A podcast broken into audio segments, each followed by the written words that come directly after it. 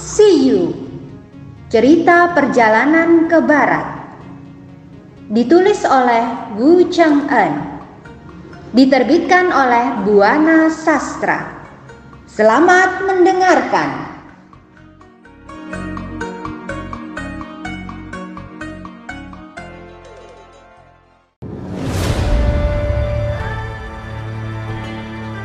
Bab 33 Sun Wukong siap menolong Tang Sancang. Sun Wukong bertempur dengan Raja Jubah Kuning. Chu Baijie tidak melawan ketika ditangkap. Bahkan sampai bajunya sobek karena ditarik anak buah Sun Wukong. Ia pun diam saja. Hanya dari mulutnya ia mengeluh, "Sudah, habis sudah. Tak lama, anak buah Sun Wukong telah membawanya ke depan gua, tepatnya di hadapan Sun Wukong yang duduk di atas sebuah batu besar. Di sana tubuh Bacie dijatuhkan. Makhluk busuk yang tak tahu terima kasih. Kau sudah kujamu dan kuterima dengan baik kau juga kuizinkan pergi baik-baik. Tetapi kenapa di sepanjang jalan kau memaki-maki aku? Kata Sun Wukong. Sambil berlutut, Bajie membela diri. Siapa bilang aku memaki-maki kau kakak? Sungguh, aku berani sumpah. Jika tadi aku memaki-makimu, aku rela lidahku putus karena sumpahku. Aku cuma bilang, sayang kakak tidak ikut karena pasti guru kecewa sekali. Jawab Baji. Kau tidak bisa membohongiku, kata Wukong. Sebab jika ku gerakkan telinga kiriku, aku bisa mendengar suara orang bicara. Sekalipun ia ada di langit lapis ke-33, bentak Wukong. Sebaliknya, jika ku gerakan telinga kananku, aku bisa mendengar pembicaraan sepuluh raja neraka. Kau jalan belum berapa jauh. Bagaimana mungkin aku tidak mendengar makianmu? Ah, aku tahu sekarang. Pasti kau menyamar entah jadi apa. Lalu kau mengikuti langkahku, bukan begitu? Kata Baci. Namun, Wukong tak meladeni kata-kata Baci itu. Anak-anak, ambil toya yang paling besar dan berat ke sini. Perintah Wukong. Tak lama, anak buahnya membawa sebuah toya. Wukong langsung memberikan perintahnya. Hajar badan depannya 20 kali. Kemudian punggungnya sebanyak 30 pukulan. Sesudah itu, aku akan menghajar kepalanya untuk mengucapkan selamat jalan.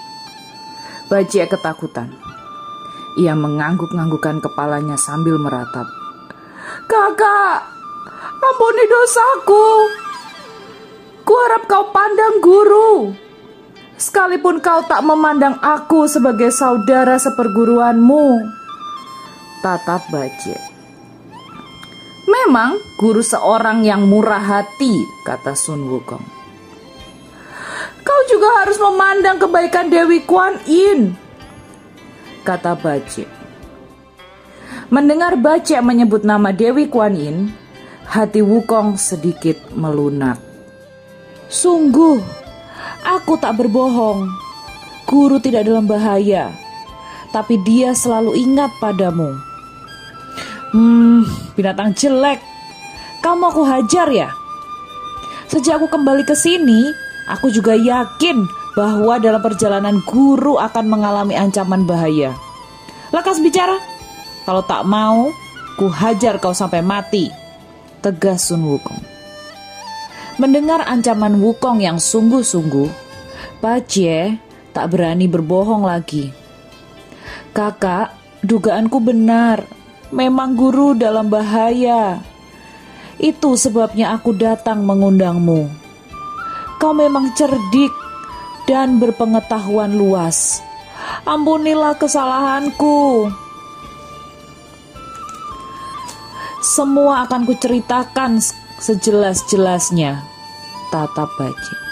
Baiklah, sekarang kau boleh bangun, kata Wukong. Baje segera bangun, kemudian ia melompat dan bersiap akan lari. Hei, kau mau ke mana? Tanya Wukong. Aku cuma mencari jalan untuk kabur, seru Baje.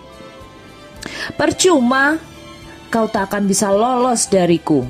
Sekalipun kau sudah pergi selama tiga hari, kau akan tetap dapat ku kejar Lekas bicara, jangan membuatku marah. Jika aku sudah marah, kau tak akan kuberi ampun lagi, kata Sun Wukong. Baiklah kak, semua akan kujelaskan, kata Bajie. Kemudian, Bajie mengisahkan pengalamannya selama Sun Wukong pergi. Sun Wukong mendengarkan kisah si babi tolol dengan cermat. Aku datang sebenarnya atas anjuran dari kuda putih. Katanya, aku harus meminta bantuanmu untuk menolong guru. Aku menolak untuk menemuimu, tapi kuda putih bilang kau sangat bijaksana dan kau pasti mengampuni kesalahanku. Akhirnya aku mau. Bahkan kuda putih yakin kau pasti mau menolong guru. Itu sebabnya aku memberanikan diri menemuimu. Sekarang aku mohon kakak mau menolong guru dan Wucing. Kata Bajie mengakhiri kisahnya. Dasar babi tolol, lupakah kau pada pesanku ketika aku hendak berpisah denganmu tempo hari? Sudah aku bilang bila kalian mendapat kesulitan menghadapi siluman, kau panggil namaku, kata Sun Wukong. Mendengar ucapan Sun Wukong, dengan cepat si babi licik memperoleh akal. Ah, kebetulan dia bilang begitu. Biar akan kupanas-panasi hatinya, pikir si babi. Tadinya memang aku akan memanggil namamu, tapi tidak jadi. Kenapa begitu? Kalau aku menyebut namamu, pasti siluman itu hendak bertambah membabi buta. Apa kau sudah coba sudah kak, aku bilang padanya, Hai siluman, jangan ganggu kami. Sebab aku punya kakak bernama Sun Wukong yang berilmu tinggi. Dia bisa menaklukkan segala siluman. Dan jika dia datang, kau akan dibinasakan dan tidak bisa berlari. Dan mayatmu tidak akan mendapat tempat untuk digubur. Kata Bajie. Bagaimana reaksi siluman itu? Kata Sun Wukong. Bukan takut, Siluman itu malah bertanya, "Macam apa kakakmu itu? Apa kau kira aku takut padanya? Jika dia berani datang, aku akan mengulitinya dan akan kutarik urat-uratnya. Dagingnya akan kumakan. Jika dia monyet kurus, akan kugoreng dia." Kata Bajek setelah menirukan penghinaan siluman itu. Mendengar hasutan Chu Bajie, hati Wukong jadi panas. Ia melompat-lompat saking marahnya. Benarkah dia begitu kurang ajar dan memandang sebelah mata padaku? Sungguh berani dia mencaciku, kata Wukong. Tenang kak, ku harap kau tidak marah padaku. Aku cuma menirukan ucapan siluman itu supaya kau tahu jelas apa yang telah diucapkannya. Hmm, kalau begitu bangunlah Mau tak mau aku harus pergi menemuinya. Kurang ajar sekali dia berani memakiku. Apa betulan siluman itu begitu tak tahu adat dan belum mendengar nama besarku? Padahal 500 tahun yang lalu dewa dan semua siluman takut padaku. Tapi kenapa siluman ini malah menghinaku? Akan kucincang dia. Sesudah itu baru aku pulang lagi kemari. Kata Sun Wukong. Bagus kak, yang penting sekarang kau ikut aku. Kau hajar siluman itu sampai mampus. Untuk siluman lainnya itu urusan nanti. Aku juga tak akan menghalangimu. Kau mau ikut kami lagi atau hendak pulang ke sini itu terserah kau, kata Baci.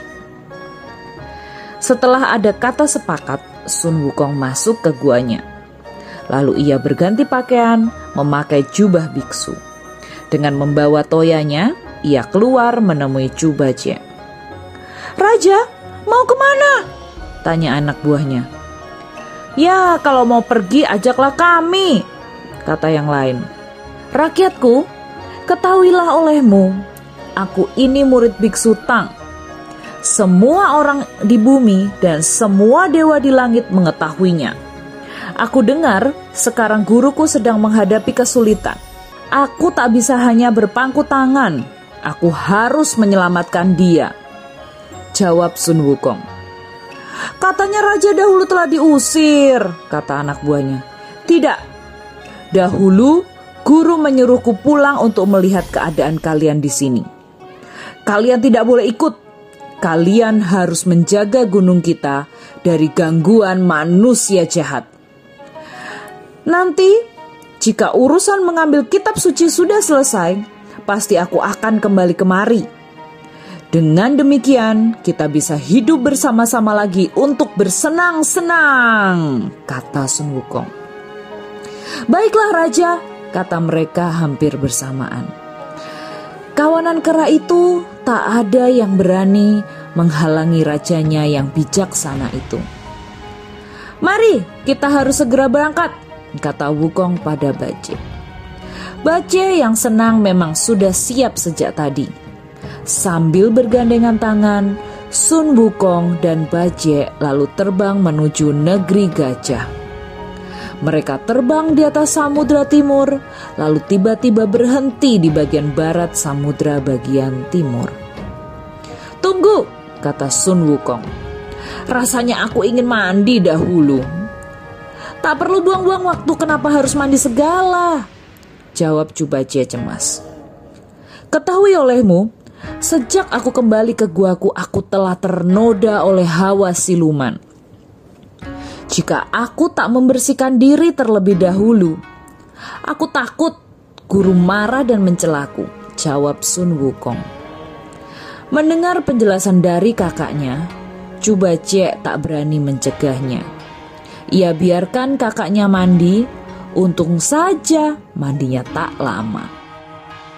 Sesudah mengenakan pakaian biksunya, Sun Wukong lalu mengajak adiknya berangkat lagi. Tak lama sebelum sampai ke negeri gajah, Sun Wukong dan Baje melewati pagoda yang memancarkan sinar keemasan. Pagoda itu adalah sarang siluman. Sawu Jing pasti berada di dalamnya kata Baja. Kalau begitu, kau tunggu aku di sini sebentar, perintah Sun Wukong. Mau apa kak? Akan kuperiksa gua itu, jawab sang kakak. Tak perlu, sebab silumannya ada di negeri gajah. Aku tahu, aku cuma mau memeriksanya saja, jawab Sun Wukong. Dari langit, Sun Wukong melihat ada dua anak kecil yang sedang belajar silat. Dengan sigap, Wukong melayang turun lalu menangkap kedua anak itu. Tentu saja karena kaget kedua anak itu menangis dan menjerit-jerit minta tolong. Suara kedua anak itu terdengar oleh anak buah siluman. Mereka segera keluar untuk melihat keadaan. Melihat kedua anak rajanya ditangkap oleh Sun Wukong, anak buah siluman berlari ke dalam gua. Mereka segera menemui istri rajanya. Kepada Pai Suhaju, mereka melaporkan keadaan kedua anak itu. Di luar ada orang jahat yang menangkap kedua putramu, kata anak buah siluman. Tentu saja Pai Huaju kaget. Ia segera keluar untuk melihat. Sampai di luar, ia melihat Sun Wukong yang berada di bukit sedang bersiap akan melempar kedua anak yang ditangkapnya. Hei, tunggu! Siapa kamu? Kenapa kau tangkap kedua anakku? Awas saja, ayah mereka sangat tangguh. Jika sampai anak itu celaka, kau akan dibinasakannya, kata Pai Huashu. Kenalkan, aku Sun Wukong, murid Biksu Tak. Aku dengar suamimu menangkap adik seperguruanku, Sha Wuqing. Jika mau anak-anak ini selamat, lekas kau bebaskan adikku, kata Sun Wukong. Baik-baik, aku setuju, kata Pai Huashu yang menyayangi kedua anaknya. Dengan cepat ia masuk ke gua, lalu membebaskan Sha Wuqing. Sekarang kau bebas, kata Pai Huashu. Jangan putri ketiga, Bagaimana kalau suamimu pulang lalu menanyakan tawanannya? Kau tentu akan celaka. Kata Wucing yang mengkhawatirkan keselamatan Pai Huashu. Tuan, kaulah penolongku yang mau menyampaikan suratku pada orang tuaku. Di luar ada kakakmu yang bernama Sun Wukong. Dialah yang meminta agar aku membebaskanmu, kata Shu Pai Huashu. Mendengar kakaknya datang, Wucing senang sekali. Ia segera berlari keluar gua. Kakak, kakak, kau datang. Oh, tak kusangka kau datang. Kau tak ubahnya seperti dewa yang turun dari langit, kata Wucing kegirangan. Ia langsung memberi hormat pada kakak seperguruannya. Hmm, tak kusangka macam apa kalian semua. Kalian tak dapat melindungi guru bahkan tak bisa berbuat apa-apa. Percuma saja kalian semua. Kau juga tak memintakan ampun untukku ketika guru membacakan mantranya. Sekarang kau panggil aku kakak. Kau mau apa sebenarnya? Sindir Wukong. Ah kakak, sudahlah, kau jangan mengingat-ingat peristiwa yang sudah-sudah. Seseorang yang bijaksana tidak akan mengingat dendam lama. Kami orang bodoh, tak berdaya. Mana berani kami menyombongkan kepandaian di hadapan kakak, kata Wujing. Mendengar kata Wujing, Sun Wukong tersenyum. Kemari kau adikku. Wujing menurut dan menghampiri Sun Wukong. Chu Bace yang berada di langit menyaksikan Wucing telah dibebaskan, ia pun langsung turun. Adik, kau sudah bebas, seru Chu Bace. Kakak kedua, dari mana saja kau? Balas Wucing. Aku baru saja pulang sehabis mengundang kakak seperguruan tertua, jawab Bajie. Bajie mengisahkan perjalanan dan pengalamannya mengundang sang kakak seperguruan. Hei bodoh, sudah jangan banyak bicara lagi, potong Wukong. Sekarang ada tugas untuk kalian. Tugas apa? Tanya kedua adik seperguruannya. Kau bawa anak-anak itu ke negeri gajah. Masing-masing pegang seorang anak. Anak ini akan kalian gunakan untuk memancing siluman itu datang ke sini, kata Wukong. Bagaimana caranya kami harus memancing siluman itu? Tanya Wucing. Caranya, kalian bawa anak ini ke negeri gajah. Sesampai di sana, bawa anak itu ke atas istana, lalu kalian jatuhkan kedua anak itu ke bawah. Jika ada orang yang bertanya, siapa kedua anak itu? Kau jawab, kedua anak itu adalah anak siluman yang kalian tangkap. Jika siluman itu mendengar tentang kedua anaknya, aku yakin siluman itu akan marah, lalu mencari kalian berdua. Kalian lawan siluman itu sebentar, kemudian kalian lari ke sini. Aku akan menunggunya di sini, kata Wukong. Enak saja kau, kata Bajek. Kau diam di sini sedang kami dalam bahaya dikejar siluman itu. Itu sama saja kau membunuh kami. Kenapa kau bertanya begitu? Tanya Wukong. Kau lihat saja kedua anak ini. Setelah kau tangkap karena ketakutan, kedua anak ini jadi bisu. Jangankan berkata-kata, menangis saja tidak bisa, kata Bace. Jika mereka kita lempar dari atas, kedua anak ini pasti binasa. Siluman itu pasti marah sekali dan akan mengejar kita tapi kau, kau malah enak-enakan di sini. Dasar goblok. Kau harus berpura-pura melawannya. Lalu kau pancing siluman itu ke sini. Di sini dia akan kuhajar. Aku tak mau bertempur di istana. Sebab aku tak mau membuat mereka kaget. Mengertikah kau? Tanya Wukong. Kakak benar, kata Wucing yang mengerti maksud kakak seperguruannya. Mari kita berangkat. Karena ajakan Wucing, akhirnya Bace bungkam, lalu berangkat sambil membawa kedua anak siluman itu. Sesudah adik seperguruannya pergi, Sun Wukong turun dari langit, ia langsung ke muka gua. Di sini ia bertemu dengan Pai Huashu.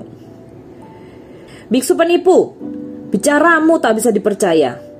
Mau kau bawa ke mana kedua anakku itu? Kata Pai Huashu. Padahal kau sudah berjanji kalau aku melepaskan temanmu, kau pun akan membebaskan anakku. Jangan salah duga, putri. Anak-anakmu dibawa untuk dipertemukan dengan kakek mereka, kata Wukong. Gila kau, ketahui olehmu, karena kedua anak kami kau bawa, pasti suamiku akan marah karena anaknya dipermainkan. Sudah, kau perempuan tidak tahu apa-apa, kata Wukong. Apa kau bilang? Ketahuilah olehmu, semenjak kecil aku tinggal di istana ayahku. Aku tahu adat istiadat, aku juga mengerti artinya berbakti, kata Pai Huasyu. Tapi kenapa kau jadi anak tidak berbakti? Siapa bilang aku tidak berbakti? Aku yang bilang, kalau kau anak berbakti, kenapa kau mau saja jadi istri siluman? Malah kau melupakan orang tuamu, kata Wukong. Mendengar teguran Sun Wukong, Pai Huashu diam seribu bahasa. Dia tidak bisa membantah atau berkata-kata lagi. Sesudah diam beberapa saat, akhirnya ia bicara. Kau benar, tapi apa dayaku? Aku cuma seorang perempuan yang lemah. Setelah siluman itu menculikku, aku dibuat tak berdaya. Bahkan untuk lari pun aku tak bisa. Sebab tempat tinggal kedua orang tuaku cukup jauh dari sini. Jadilah terpaksa aku menerima nasib. Memang aku pernah berniat akan bunuh diri, tapi aku khawatir orang tuaku mengira aku kabur. Maka terpaksa aku bertahan sampai aku punya kesempatan. Aku berharap ada orang yang mau menolongku. Pahyuashu lalu menangis sedih sekali.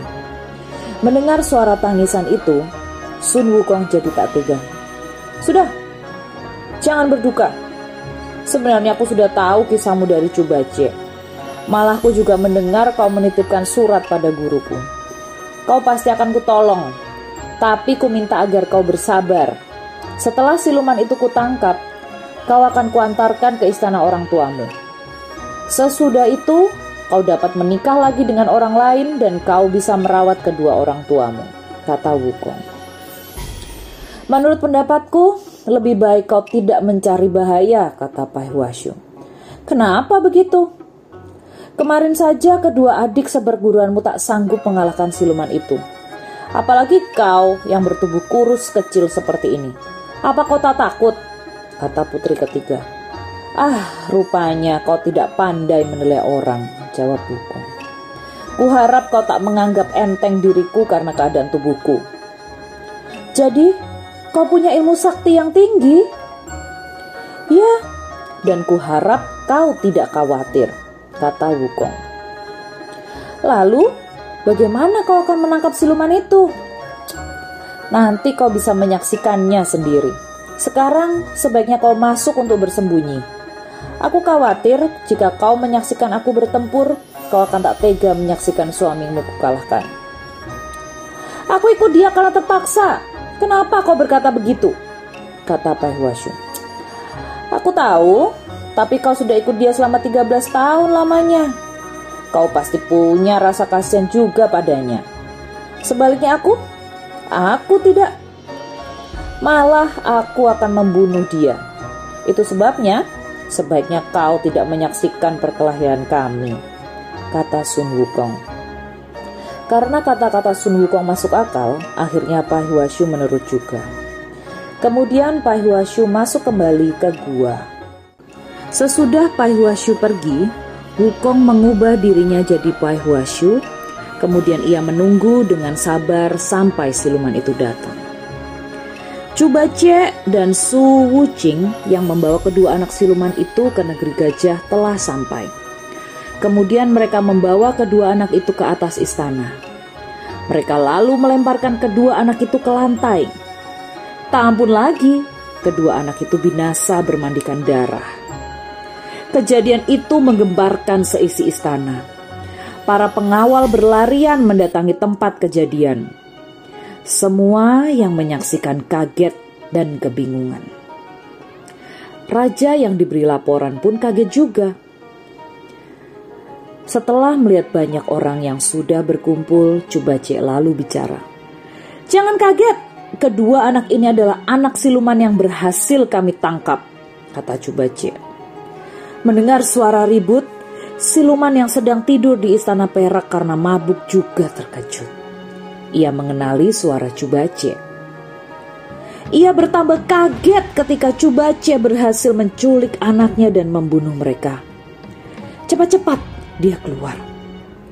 Mendengar siluman itu keluar, Cubace kembali berteriak, "Hei, siluman jahat, ayo lawan kami!"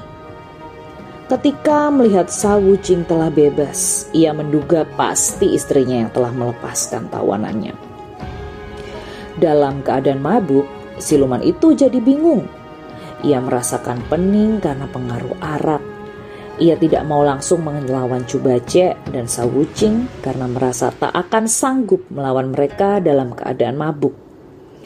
Itu sebabnya siluman ini berpikir akan kembali dahulu ke guanya. Ia akan memeriksa apakah benar istrinya yang melepaskan Wucing atau bukan. Di istana timbul kekacauan. Para dayang yang semalaman diganggu siluman pun ribut melaporkan kejadian yang mereka alami semalam.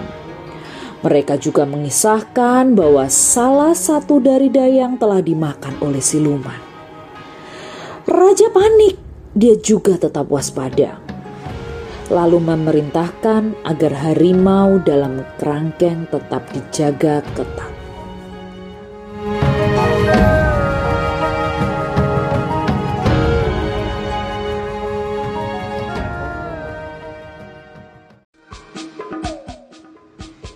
Dengarkan kisah selanjutnya.